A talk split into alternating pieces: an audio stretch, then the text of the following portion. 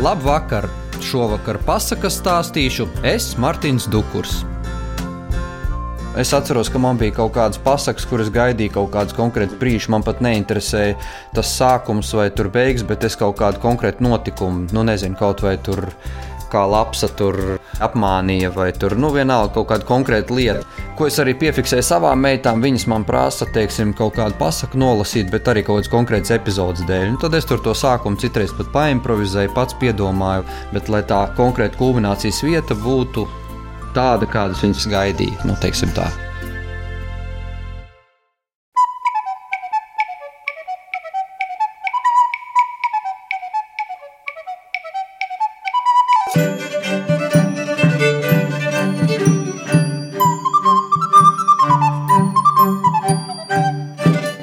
Tēva padomi.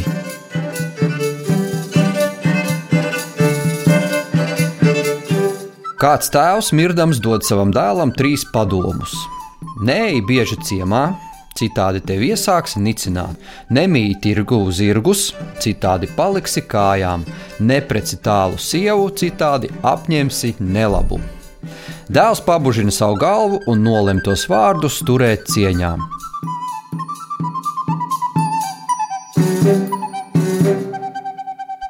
Pēc tēva nāves tas domā, nu jārauga tēva padomus pārbaudīt. Labi, aiziet ciemā. Pirmo reizi šo uzņem ar plāceņiem, otro reizi arī nekas nekaiš, trešo reizi jau augstāki, ceturto reizi tā bija kā bija, piekto reizi nebija ēdis, nenēdis, un sesto reizi tam pasniedza pelavainu maizi ar skābu putru.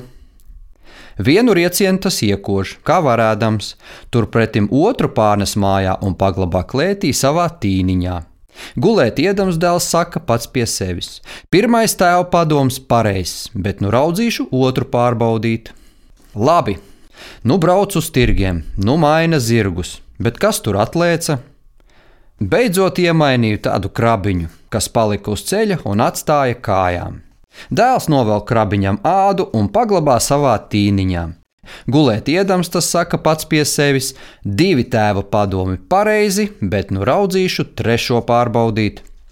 Labi, nākošo svētdienu tam ceļš pa kājām otrā pasaules malā sievu precēt. Meklē, meklē, atrona arī meitu, kā diegā pakarinātu. Iet, ka ne papēž pie zemes nepieduras. Ko tur vairāk? Lai tik brauc nākošo svētdienu vietraugās. Tomēr vakarā uz mājām iedams dēls domā, divi tēvu padomu man jau kabatā, trešo, kamēr kabatā bāžu, aplūkošu labi. Svētdiena paliek svētdiena, ko tur laba nolūkot, bet darba dienā tā pavisam cita lieta. Ko niekus, iešu atpakaļ, ielīdīšu klusi piedarbā pārgulēt, un tad noskatīšos rītu. Kāda mana mūža biedrene pie darba? No rīta veciem mudīgi, mudīgi uz lauku pie rudziem, bet šīs neredz nekur. Nu, tu brīnumi, pusdiena klāt, nekur nemana. Jāiet istabā raudzīt. Iet istabā, vakarējais priekšrots guļ plāna vidū, kā iesālīts, un pati krāts aizkrāsnē, lai sienas brīkst. Tēva dēls paķer priekšautu un projām uz mājām. Priekšautu tas ieliek tīniņā, un tad mierīgi gaida nākošo svētdienu. Atnāk svētdiena, vietraugi klāt, izskatās vienu kaktu, otru kaktu, brīnum labi. Ieiet klētī, ierauga tēva padomu tīniņu. Kas tur? To nevarēšu rādīt, tur dārgas lietas. Lai jau rādot, lai neliedzot. Nu jā, jā, attaisa tīniņu. Kas tas? Kur puisīt mans priekšauts te gadījās? Jā, meitiņ, šis tīniņš mana tēva padomu tīniņš. Kamēr citi ļaudis guļ, tamēr tīniņš priekš manis savāc derīgus padomus, un trīs padomi manā tīniņā jau savākti. Šis riecientiņš, šī āda un tavs priekšsauts. Pirmais māca: Nē, bieži ciemā, citādi tevi iesāks nicināt. Otrais māca: Nemīt tirgu zirgus, citādi paliksi kājām. Trešais, tavs priekšauts māca: Nepreci tālu sievu, citādi apņemsi nelabu. Meita nokaunējās un aizbrauca.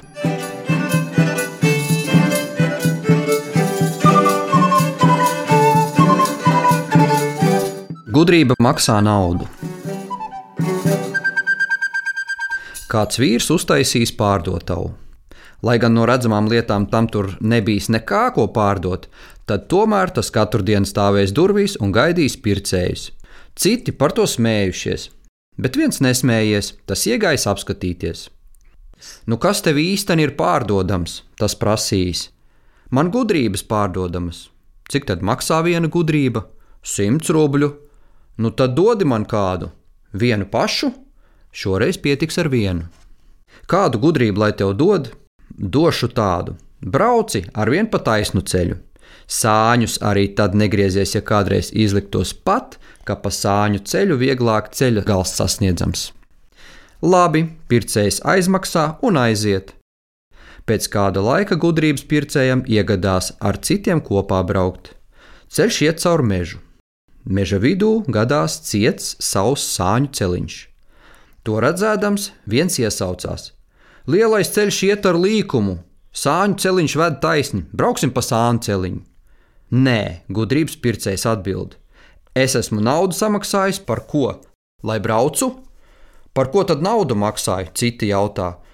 Par ko maksāju? Maksāju par tādu gudrību. Proti, brauci ar vienu par taisnu ceļu, sāņus arī tad negriezies, ja kādu reizi pat izliktos, ka pa sāņu ceļiem vieglāk ceļa gals sasniedzams.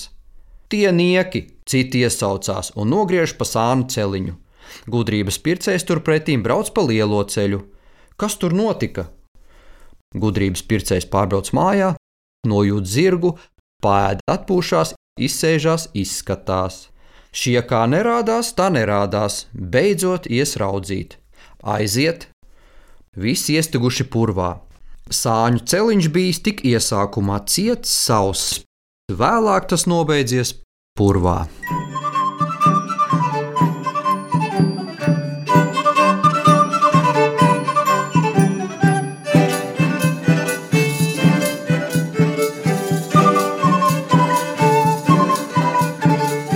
Sliņķis un runcis.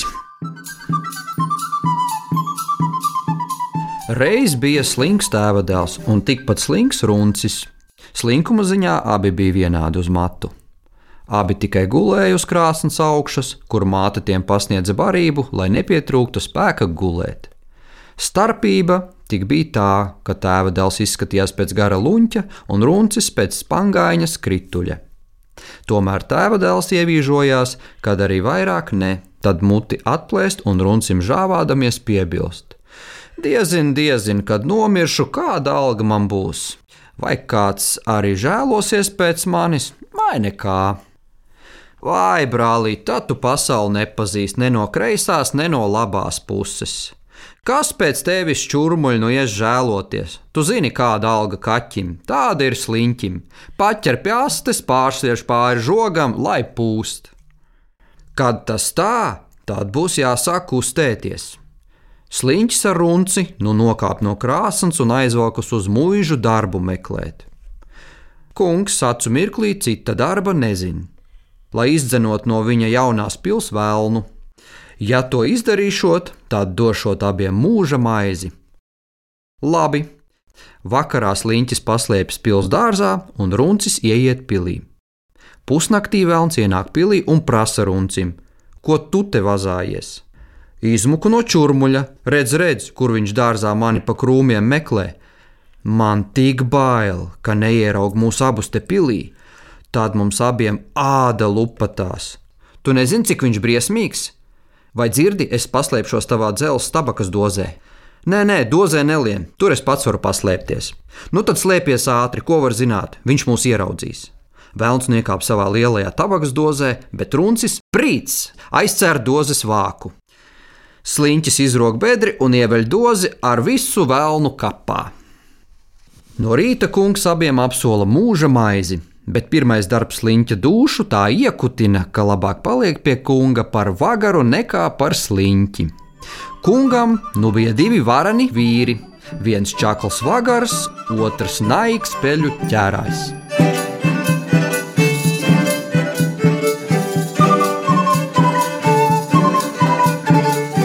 Stiprajam taisnība, gudrajam padoms.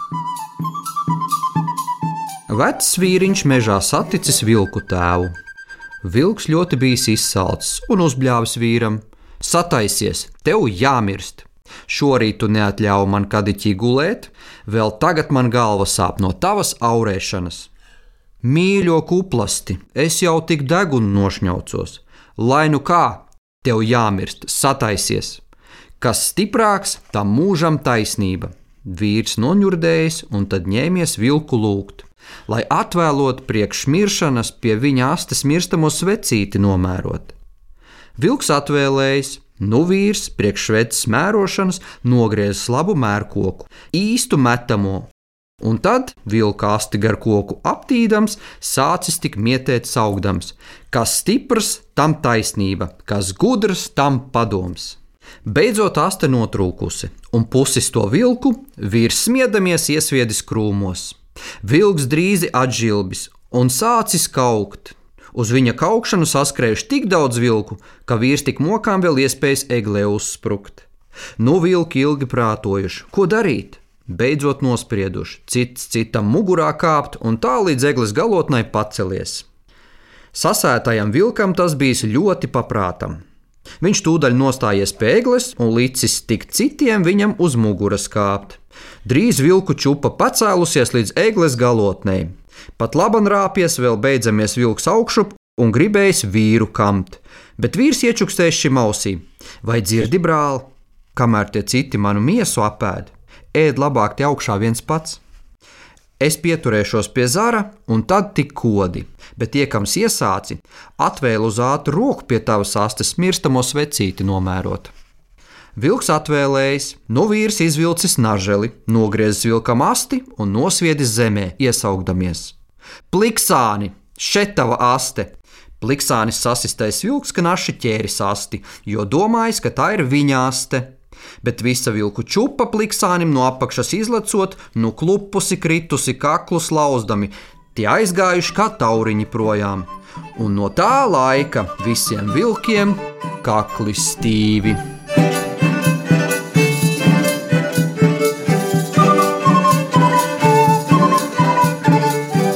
Šovakar pasakas sāstīju es, Martins Dukurs.